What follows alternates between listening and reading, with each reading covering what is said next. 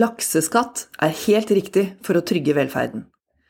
Jeg heter Anne Ekornholmen, og i dag er det 28. september. Det er på høy tid at store inntekter fra fiskeoppdrett og vindkraft blir skattlagt og omfordeles til fellesskapets beste. Velferdsstaten og kommunene trenger penga. Det er ikke mange dager siden Senterpartiordfører i Salangen, Sigrun Wiggen Prestbakmo, uttalte til NRK at lakseskatt vil være et ran av kystsamfunn. Hun ba regjeringa finne en annen måte å tette hølet i statsbudsjettet på enn å stikke et sugerør i lokale bedrifter og samfunnet langs kysten, som hun sa. Hun blir ikke hørt av sin egen partileder. Hølet i statsbudsjettet, eller i alle fall noe av det, skal dekkes gjennom å innføre grunnrenteskatt på havbruksselskaper og landbasert vindkraft, samt å øke den samme skatten på vannkraft. Det blei klart da statsminister Jonas Gahr Støre fra Arbeiderpartiet og finansminister Trygve Slagsvold Vedum fra Senterpartiet inviterte til en hemmelighetsfull og børssensitiv pressekonferanse på Blåfarveverket i Buskerud onsdag morgen. Forslaget går inn i en lang tradisjon i Norge, presiserte Vedum, og viste til sitt store politiske forbilde, Johan Castberg. Det er mannen bak konsesjonslovene for vannkraftutbygging på begynnelsen av 1900-tallet. Vedum forsikra at dette er god senterpartipolitikk. Sjøl om han har egne ordførere mot seg, så mener distriktsarbeidsplasser står i fare. 33 milliarder kroner fra det nye skatteopplegget dekker strengt tatt bare de økte utgiftene til folketrygden i statsbudsjettet, ifølge finansministeren. Det trengs altså mye penger inn. Alternativt kunne regjeringa skattlagt alle nordmenn over 16 år med 7000 kroner ekstra i året. Men det rimer dårlig med Hurdalsplattformens ambisjon om sosial utjevning og økonomisk trygghet for vanlige folk. I stedet skal laksemilliardærer og vindkraftselskaper ta støyten. Da Havbruksutvalget ville innføre grunnrenteskatt for oppdrettsselskapene i 2019, var begrunnelsen som følger. Det vil gi stabile og forutsigbare rammebetingelser for næringa, samtidig som det gir stabile og forutsigbare inntekter til kommunene. De argumentene er akkurat like gode i dag. Allikevel blei det avvist av Solberg-regjeringa den gangen, inkludert stortingsflertallet, med Arbeiderpartiet og Senterpartiet. Men nå er det annerledes, sier Vedum, på grunn av to vesentlige elementer i regjeringas innretning.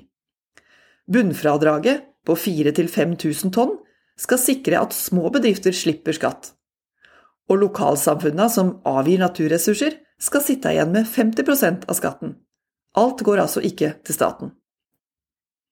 Senterpartilederen tror at hans egne ordførere langs kysten og i Distrikts-Norge vil se fordelene med disse prinsippene som nå sendes på høring. Det kommer til å gi kanskje 3,6 milliarder kroner i skatteinntekter fra havbruk i året.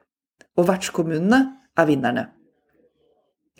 Bunnfradraget gjør at det i praksis er fem store lakseoppdrettere som får grunnrentebeskatning.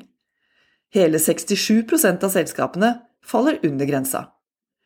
Det er ment å sikre mangfoldet av små og store eiermiljøer og arbeidsplasser langs kysten. Ikke alle kommuner har vann og fisk, men alle kommuner har innbyggere. Statsminister Støre bruker et talende bilde for å vise at regjeringas grep er et verdispørsmål som handler om omfordeling.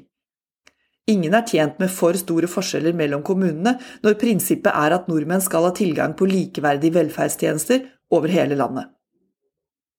Her i Nasjonen har vi på lederplass både i 2019, i fjor og senest i juli i år ment at oppdrettsnæringa må skattlegges på linje med andre naturressurser. Det er en kapitalsterk bransje med meget god lønnsomhet. Vi snakker om de bedriftene som, Vedum beskrev det, tjener desidert mest på norske fellesskapsressurser. De fem store aktørene hadde altså et samla utbytte på 6 milliarder kroner i fjor.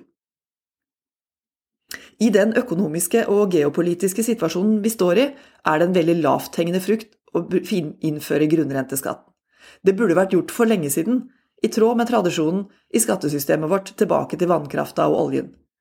Fellesskapet, statskassa og de offentlige tjenestene, ikke minst, trenger penger, og regjeringa kan altså ikke hente dem fra oljefondet.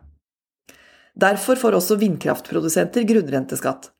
50% av de anslagsvis 2,5 milliarder kronene som skal hentes inn i denne bransjen, skal også komme av kommunal sektor til gode.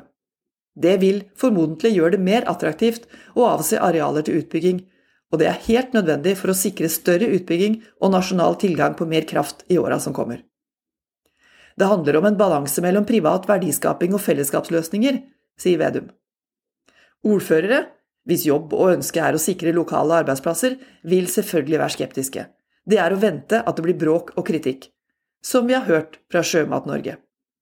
Oppdrettsnæringa har ekstremt sterke lobbyaktører, og nyheten om regjeringas skattepakke førte til at lakseoppdrettsselskapene falt kraftig på Oslo Børs onsdag morgen.